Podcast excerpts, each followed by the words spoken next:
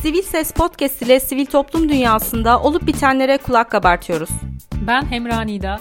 Ben de Nurcan Çalışkan. Bundan böyle sivil toplum hikayeleriyle ve aktörleriyle Sivil Ses Podcast ile yayındayız. Sivil Ses Podcast olarak üniversitede roman kadınlar üzerine bir araştırma gerçekleştiriyoruz.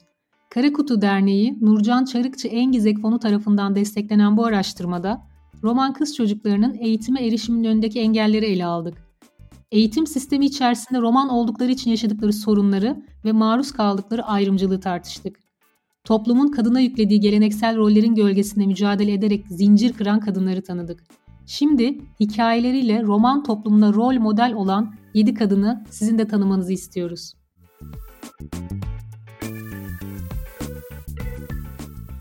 Merhaba Sivil Ses Podcast dinleyicileri. Üniversiteli roman kadınlar araştırmamıza tüm hızıyla devam ediyoruz. Bugün Ayça Tutal'la birlikteyiz. Sevgili Ayça hoş geldin. Hoş buldum. Ayça kısaca seni tanıyarak başlayabilir miyiz? Ee, 1997 Sakarya doğumluyum. Şu anda Çanakkale Biga'da yaşıyorum. Çanakkale 18 Mart Üniversitesi Kamu Yönetimi bölümünü 2020 yılında tamamladım. Şu anda da halihazırda e, Türkiye Trakya Edirne Genç Romanlar Derneği tarafından yürütülen Avrupa ve Batı Balkanlardaki roman gençlerin eğitim fırsatlarının artırılması projesinde Malkara bölgesinde lise mentörlüğü yapıyorum. Ayrıca yerel iki gazetede yazı yazıyorum. Özellikle son beş yıldır e, roman sivil alanında e, var olmaya ve elimden geldiğince katkı sunmaya çalışıyorum. E, Roman Hakları Derneği bünyesinde birçok çalışmaya katılma şansı yakaladım. Bununla birlikte e, IRRC Türkiye Ulusal Gönüllerinden biriyim. Sosyal medyada yapılan ayrımcılık ve nefret söylemleri konularında çalışmalar yürütüyoruz. Ayrıca Neveterne Roma platformunun yöneticilerinden birisiyim. Burada da roman okumuş gençlerle güzel çalışmalar yürütüyoruz. E, bu topluma e, bir katkı verebilmek için biz gençler her zaman buradayız. Ben de sizinle beraberim. Ne güzel. Ay çok kadar akıcı konuştun ve özetledin ki genç yaşına rağmen de e, oldukça güzel işler yapmışsın. E, Teşekkür şöyle, ederim. Çingene mi roman mı diye bir e, sorsam hangi kelimeyi kullanmamızı tercih edersin? Burada e, kavramsal olarak da neyi kullanmamız gerektiğini de bize yol gösterirsen seviniriz. Tabii. E, şöyle, bununla alakalı tabii ki de hani çeşitli e, fikirler var. E, kimine göre çingene, kimine göre roman. Her ikisini kullananlar da var. Ben roman e, ibaresinin kullanılmasının daha doğru olduğunu düşünüyorum. Hem anlamsal açıdan hem de dil açısından baktığımızda da yani çünkü e, Romanes dili içerisinde çingene kelimesinin var olmadığını görüyoruz. E, hani çingenece diye mesela demiyoruz dilimizde bile hani Romanes diyoruz. O yüzden ben roman kelimesinin e, daha doğru olduğunu düşünüyorum kullanım açısından. E, Ayça, e, romanlar arasında e, yani ülkemizin genel bir sorunu ama maalesef e, dezavantajlı gruplar arasında da eğitim sisteminde bir sıkıntı var. E, ve e, eğitime katılım sürecinde olsun ya da e, e eğitime katılan insanlar sayısı açısından da e, özellikle de kız çocuklarına baktığımızda aslında sen bu zinciri e, kıran e, e kadınlardan birisin. E, çocukken hangi mesleği yapmayı hayal ediyordun? E, ya da yaşam koşulların bu hayale ulaşmana, kavuşmana engel teşkil ediyor muydu? Varsa engeller nelerdi? Bunlardan bahsedebilir misin? Tabii. Ee, çocukken en büyük hayalim açıkçası ünlü bir ressam olmaktı. Ee, gördüğüm her şeyi resmederdim. Ee, özellikle de kara kalem çizmeyi çok seviyordum ki hala değişmedi bu. Bu hayali gerçekleştirmek için ortaokulda resim öğretmenimin de e, yönlendirilmesiyle Güzel Sanatlar Lisesi sınavlarına hazırlanmaya başlamıştım. Sınavlarıma iki ay kala e, maalesef annemi kaybettim. Tabii bu benim için bir milat oldu. E, o noktadan sonra hayallerim de isteklerim de değişmeye başladı. E, daha çok hak savunuculuğu ve e, ve işte hani hakim olmak için şu anda da sınavlara hazırlanıyorum. E, evet maddi durumum ve sosyoekonomik şartları çok iyi olmayan bir ailede büyüdüm maalesef. Ancak gerçekten istedikten sonra bir şeyi hani önünüzde engel kalmıyor. Ben bunu yaşayarak öğrendim. O yüzden hiçbir şey engel değil hayallerinize kavuşma noktasında. Tabii ki de zor şartlarda büyüdüm. Ee, hani e, ben harçlık alamadan okula gittiğim çok zamanları biliyorum. Ama dediğim gibi e, istedikten sonra gerçekten her şeyi başarıyor insan. Ee, Ayça, okula giden roman çocukları daha ilkokul sıralarında nelerle karşılaşıyor? Ayrımcılık başta olmak üzere nasıl muamele görüyorlar acaba? Şöyle, eğer ki karma bir okula gittiyse çocuk, yani gacoların da olduğu bir okulsa, ayrımcılık, ötekileştirme, nefret söylemlerine maruz kalıyor burada. Çeşitli etkenler var tabii. Ee, işte mevcut ten renginden dolayı, yaşadığı mahalleden dolayı, işte çocuk mahallede hangi mahallede yaşadığını söylediğinde ya da burada işte e, öğretmeni sorduğunda çocukların ona işte itici gözlerle bakması gibi durumlar nedeniyle çocuk e, akranları tarafından maalesef e, büyük psikolojik büyük bir psikolojik şiddetin içinde bulunuyor, buluyor kendisini. Buna bir de eğitimcilerin yapmış olduğu ayrımcılıklar da etki, e, eklenince haliyle çocuklar daha ilkokul döneminde okuldan soğutularak e, eğitimden uzaklaştırılıyorlar. E, romanların tabii ki de tek bir sorunu hani tek bir e, sınıfa verilmesi, en arka sıralara oturtulması e, çocuğu okuldan soğutan nedenlerden bir tanesi oluyor.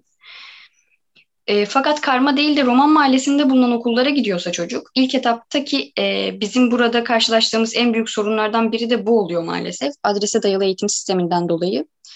Roman çocukları mecburi olarak bu okullara gitmek zorunda kalıyorlar. E, ortaokulda gacolarla birlikte okuyunca bu az önce de belirttiğim gibi e, çeşitli sorunları beraberinde getiriyor maalesef. Ayça roman bir ailede kız çocuğuyla erkek çocuğunun okula gönderilmesi söz konusu olduğunda yani e, buna uygun kelime ne diyebilirim? Yani tercih edilmesi gerektiğinde ailenin yaklaşımı nasıl oluyor? Yani erkek çocuklarının mı daha çok okusun istiyor roman aileler yoksa kız çocuklarının mı? Ya da böyle bir ayrım var mı? Yani aslında şöyle tabii ben burada kendi fikrimi belirteceğim. E, açıkçası ben hiçbir roman ailenin kız ya da erkek fark etmez çocuğumu okutmak istemiyorum ya da okula gitme dediğini duymadım. Yani şahit de olmadım. Tabii burada hemen akla madem durum bu e, neden eğitim seviyesi bu toplumda bu kadar düşük sorusu geliyor. Şöyle e, burada işte ekonomik, e, sosyal, kültürel faktörler devreye giriyor maalesef.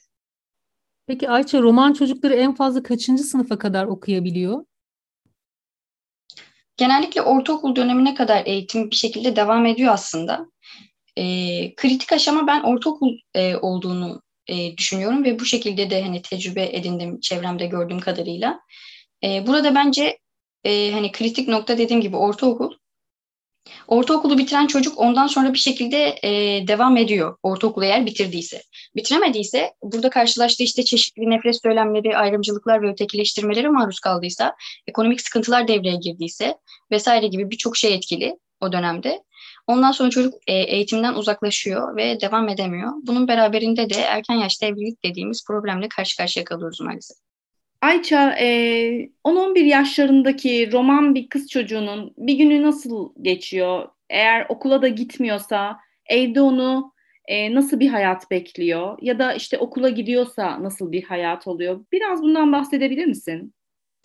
Tabii. Ee, eğer e, anne babası çalışıyorsa, yani okula gitmiyorsa çocuk ve anne babası çalışıyorsa, e, bunun beraberinde de küçük bir kız kardeşi ya da kardeşleri varsa, ailesine bir nevi destek olduğunu düşünerek kardeşlerine bakıyor, yemek yapıyor, ev temizliği gibi vesaire gibi hani günlük şeylerle ilgileniyor. E, bu şekilde oluyor genelde.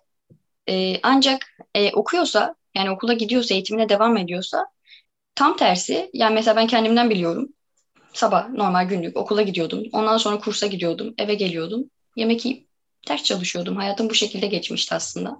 Üniversite dönemine kadar. Ee, tabii burada ailemin de bana vermiş olduğu destek çok büyüktü. Ee, bu şekilde oluyor yani genelde. Burada e, çocuk eğer okumuyorsa e, çocuğa yüklenen görevler de fazlasıyla sorumluluklar da fazla oluyor. Kardeşine bakması gibi mesela. Burada bir nevi aslında kardeşine annelik yapıyor. E, peki senin üniversiteye geçişin e, nasıl oldu? Yani e, o yolda ilerleyişin. Ailende üniversite okuyan var mıydı? Yani bu anlamda seni teşvik edecek belki bir rol modelin olmuştur. Açıkçası ailemde de çevremde de üniversite okuyan hiç kimse yoktu. Ee, özellikle eğitim hayatımda en büyük destekçim ailemdi. Annem, babam ve ablam maddi manevi olabildiğince yanımda oldular. Ee, özellikle de manevi anlamda. Ee, en büyük rol modelim 13 yaşına kadar annemdi. Annem ilkokul mezunuydu ancak çevremde gördüğüm gerçekten herkesten farklıydı. Kendini iyi ifade eden, ayakları üzerine sağlam basan, kitap okumayı, araştırmayı çok seven, sorgulayan birisiydi. Mesela kitap okuma alışkanlığımı ben annemden öğrenmiştim, kazanmıştım.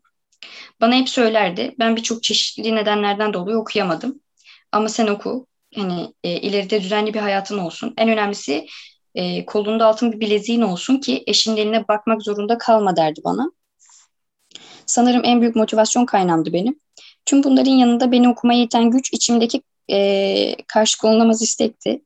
E, hastayken bile okula gittiğim dönemleri çok iyi biliyorum. Hani dönem boyunca üç gün devamsızlık yapmamışımdır öğrencilik hayatım boyunca ben. O şekilde bir öğrencilik hayatı geçirdim.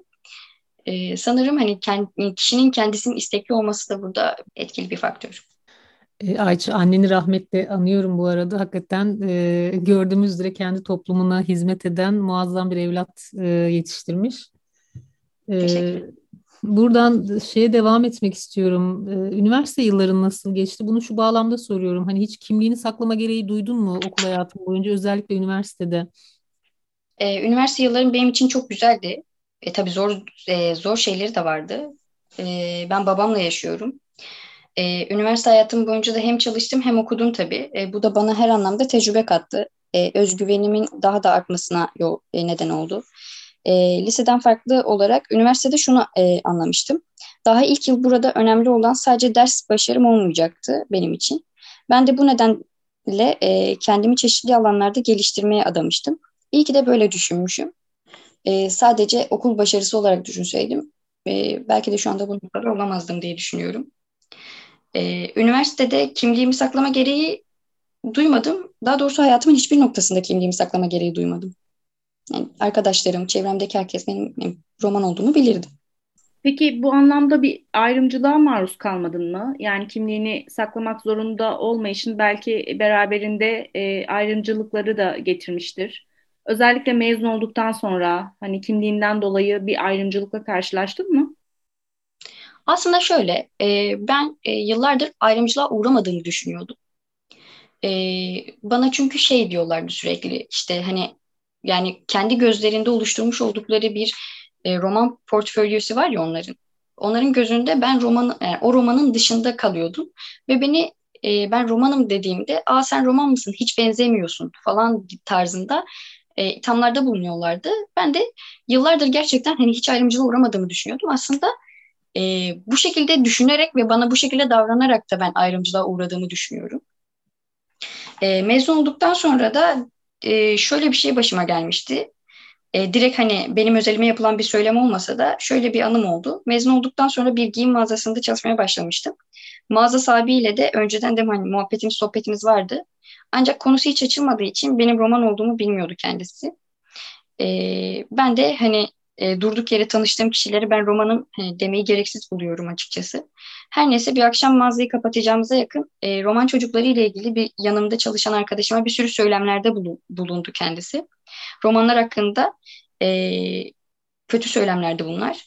Tabii bu beni acayip sinirlendirmişti. E, Biga'da bir internet gazeteci, gazeteciliğinde yazı yazıyorum. Onunla ilgili ertesi gün bir yazı yazıp ardından da kendisine hani roman olduğumu dile getirip güzel bir insanlık dersi verdiğimi düşünerek işten ayrılmıştım. Ya, gerçekten yani büyük e, aslında hem büyük cesaret hem de bence yani onurlu bir davranış. Peki e, ya aslında hani ayrımcılığa çok maruz kalmadığını söyledin ama bir yandan da karşılaştığın durumun da ayrı, e, ayrımcılığın ta kendisi olduğunun farkına vardığını e, söyledin. Peki e, yine böyle hatırlamaya çalışırsan eğer e, ayrımcılığa maruz kaldığın zamanlarda e, keşke roman olmasaydım dediğin bir an oldu mu? Yani neden romanım ben diye hiç isyan ettin mi?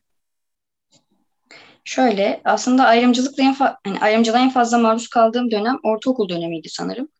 E, üç arkadaş aynı okula gidiyorduk. E, üçümüz farklı sınıflardaydık.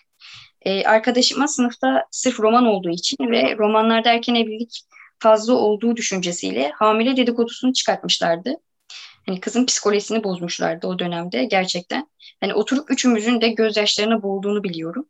Ama gene de hiçbir zaman roman olmaktan gocunmadım. Çünkü az önce de dediğim gibi dünyada kimliklerden ziyade iyi ve kötü e, insanlar vardır. Biz e, olmak e, biz olabildiğince iyi olmaya çalıştık. E, onlar kötü olmayı tercih ettiler. Bize ayrımcılık yaparak. Ama dediğim gibi yani hiçbir zaman ilk hani neden roman oldum demedim. Çünkü insan olduğumun bilincindeyim. Çok evrensel bir bakış bu. Ee, sevdim tarzını. Peki roman kimliğinde barışıksın anladığım kadarıyla. Az önce bahsettiğin üç arkadaşından tut genel olarak çevrendekiler roman kimliğiyle barışık mıydı? çevremdekiler de roman kimliğiyle yani şöyle aslında evet benim arkadaşlarım öyleydi. Ee, ama hani olmayanlar da vardı tabii. Yani hani ben işte roman olduğunu saklayan arkadaşlarımı da biliyorum. Bu da işte çeşitli e, ilkokul döneminden beri hatta öncesinde de maruz kaldıkları ayrımcılık, ötekileştirme ile alakalı tamamen. Ee, buradan temel haklara geçiş yapmak istiyorum aslında. Ee, soracağımız başka sorular da vardı ama Ayça o kadar akıcı konuşuyorsun ki her şeyi böyle toptan cevaplıyorsun. Buradan e, roman toplumunun temel haklara erişimine geçmek istiyorum. E, romanlar en temel haklarının farkında mı sence ve toplumda hak arama bilinci var mı? Şöyle, e, temel haklarımızdan olan yaşam hakkı, sağlık hakkı, eğitim hakkı gibi haklar e, devlet ve anayasa tarafından güvence altına alınır. Ancak biz yaşadığımız e, bu toplum içerisinde en fazla sorunun temel haklar üzerinde yoğunlaştığını bariz bir şekilde görüyoruz. E, eğitimden tutun da işte barınma, sağlık vesaire dediğim gibi. Toplumun büyük bir kesimi maalesef e, ne, e, ne temel haklarına ne temel haklarının farkında ne de haklarını nasıl arayacaklarına dair bilinçliler. Hmm, bu konuda bilinçsiz olduklarını düşünüyorum açıkçası. Ee, peki Ayça, e, yani romanların yaşadığı en vahim insan hak ihlalleri e, yani nelerdir karşılaştığınız bu, bu noktada belki ihlal edildiğinin belki farkında da olmayabilirler. Bu konuda bilinç sahibi olduğunu düşünüyor musun roman toplumunun? Yani şöyle, e, en vahim insan hakları ihlallerinden birisi bence insanların temel yaşam haklarıdır. Yaşam hakkı gibi, sağlık hakkı gibi, eğitim hakkı gibi, özel hayatın gizliliği gibi. E, burada da ben gene e, bu hakların ihlal edildiğini düşünüyorum. Tarih öncesine yani tarihe de geç, geçmiş dönemlere de baktığımızda aslında bunu net bir şekilde görebiliriz. E, İznik ve Selende olaylarında romanların yaşam hakkı, barınma hakkı e, gibi birçok eğitim hakkı gibi birçok e, haklarının ihlal edildiğini görüyoruz maalesef. Ayça hazır haklardan bahsetmişken özellikle roman kız çocuklarının eğitim hakkına erişmesi toplumda neleri değiştirir sence? Yani en önemlisi bence toplumsal cinsiyet eşitliğinin sağlanması açısından e, ben bunun çok önemli olduğunu düşünüyorum. E, roman kız çocuklarının okuması, kendilerini geliştirmeleri, toplumun çekirdek yapısını e, değiştirecektir. Zamanla da birçok şeyi değiştirebilir. Yani bir kadının okuması demek ileride çocuklarının da çocuklarına da rol model olacağını e, ve onların da okumasını isteyeceği için toplumdaki eğitim seviyesiyle birlikte refah seviyesini de arttıracağını düşünüyorum. Yani bu e, bir kız çocuğunun okuması demek sadece onun hayatının değişmesi değil, e, onunla beraber ilerideki e, çocuğun ve işte eşinin belki işte çevresindeki insanları da rol model olarak birçok şeyi değiştirebileceğini, birçok kişinin hayatına dokunabileceğini düşünüyorum. Aslında bu bir e, mücadele yöntemi ve sen de bu e, mücadeleye e, emek verenlerden birisin. Peki bu değişim için e, kendi adına nasıl mücadele ediyorsun? E, bu mücadele yöntemini nasıl yakaladın, bu şartlara nasıl eriştin? Biraz bunlardan bahsedebilir misin? Ee, aslında bunun değişmesini istedim ve bu değişimi istemekle birlikte e, ilk bunu kendimden başlattım. E, ailemde okuyan dediğim gibi birisi yoktu. E, ben okumayı tercih ettim. E, tabii ailem dediğim gibi hani burada çok büyük bir destekçiydi özellikle annem. İyi bir şekilde mücadele ettim. Mücadele ettiğimi düşünüyorum en azından. E, roman bir kadın olarak e, okudum ve çevremde de olabildiğince insanlara iyi yaptığım şeyleri göstererek e, rol model olmaya çalışıyorum. E, yerelde de kendi e, olabildiğince elimden geldiğince özellikle kız çocuklarıyla gerçekten e, yakından ilgilenmeye çalışıyorum ki e, onların da ileride hayatını bir şekilde düzene sokmalarını, kendini geliştirmelerini istiyorum. Yani bu mücadeleye nokta kadar da olsa elimden geldiğince destek vermeye çalışıyorum. Ayça hali hazırda sivil toplumda çalışıyorsun ve az önce yaptıklarından bahsettin. Buradan duyurmak istediğin e, projeler, çağrılar var mı? Ya da aslında senin e, yani çalışmalarını, e, senin yaptığın e, işlere, senin başarılarına e, belki hani senin gibi olmak isteyen insanlar vardır. Senin gibi olmak isteyen yaşıtların vardır. Yani onlara ne tavsiye edersin? Yani şöyle ben e, hiçbir şekilde hiçbir zaman e, evet yaşadığımız toplum gerçekten zor bir toplum. E, Birçok dezavantajı beraberinde getiriyor. E, biz diğer insanlara göre maalesef çok çok çok fazla geriden başlıyoruz hayata. Daha fazla mücadele etmek zorundayız. Daha fazla koşmak zorundayız. E, bu bir maratonsa eğer gerçekten biz çok çok fazla emek harcamak zorundayız. Ama hiçbir şey gerçekten imkansız değil. E, insan bunu yaşayarak ve isteyerek öğreniyor. Ben hiçbir zaman için umutlarımızı kaybetmememiz gerektiğini düşünüyorum. Ve hani şu koskoca dünyada da neyi paylaşamıyoruz açıkçası pek bilmiyorum biz insanlar olarak. Ama ancak şunu çok iyi biliyorum. Ee, birimiz de bir hani birimiz diğerinden hiçbir şekilde üstün değil. Hepimiz insanız. Ee, daha eşit, daha barışçıl bir dünyada insanca yaşayabilmek umuduyla e, yaşamlarımızı devam ettirelim istiyorum. Ee, biz romanlara ve biz romanlar gibi olan diğer dezavantajlı gruplara da gerçekten insanca e, bir e, muamele görülsün ve insanca haklar verilsin. Biz bu haklardan yararlanalım istiyorum. Bu ne kadar mümkün bilmiyorum ama e, yani dünyadaki tüm adalet sistemini tek başımıza değiştiremeyiz. 50 kişi değiştiremeyiz, 100 kişi değiştiremeyiz belki ama e, birilerinin hayatına dokunarak en azından e, en iyi hale gelmeyi temenni ediyorum ben.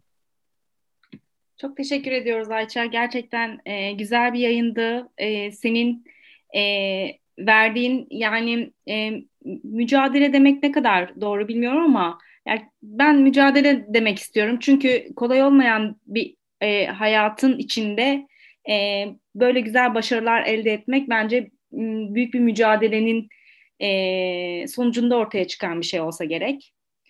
Ee, çok teşekkür ediyorum. Gerçekten keyifliydi. Ee, senin e, anlattığın şeyler eminim e, birçok insana yol gösterici olacaktır. Başka eklemek istediğin bir şey var mı? Ee, buradan yani e, belki sosyal medya hesaplarınız vardır, onları duyurmak istersin. E, size ulaşmak ya da sana ulaşmak isteyen arkadaşlar olabilir. Ee, şöyle ben de sizinle gerçekten burada keyifli bir sohbet içerisindeydim. Çok mutlu oldum. Beni davet ettiğiniz için de gerçekten size çok teşekkür ederim. Ee, bana e, sosyal medya hesaplarım şöyle. Genelde Ayça Tutal yazdığınızda ulaşabilirsiniz. Instagram'dan, Facebook'tan. Her şekilde. Tamam. Çok teşekkür ediyoruz. O zaman bir Ben so- teşekkür ederim. o zaman bir sonraki yayınımızda tekrar görüşmek üzere. Hoşçakalın.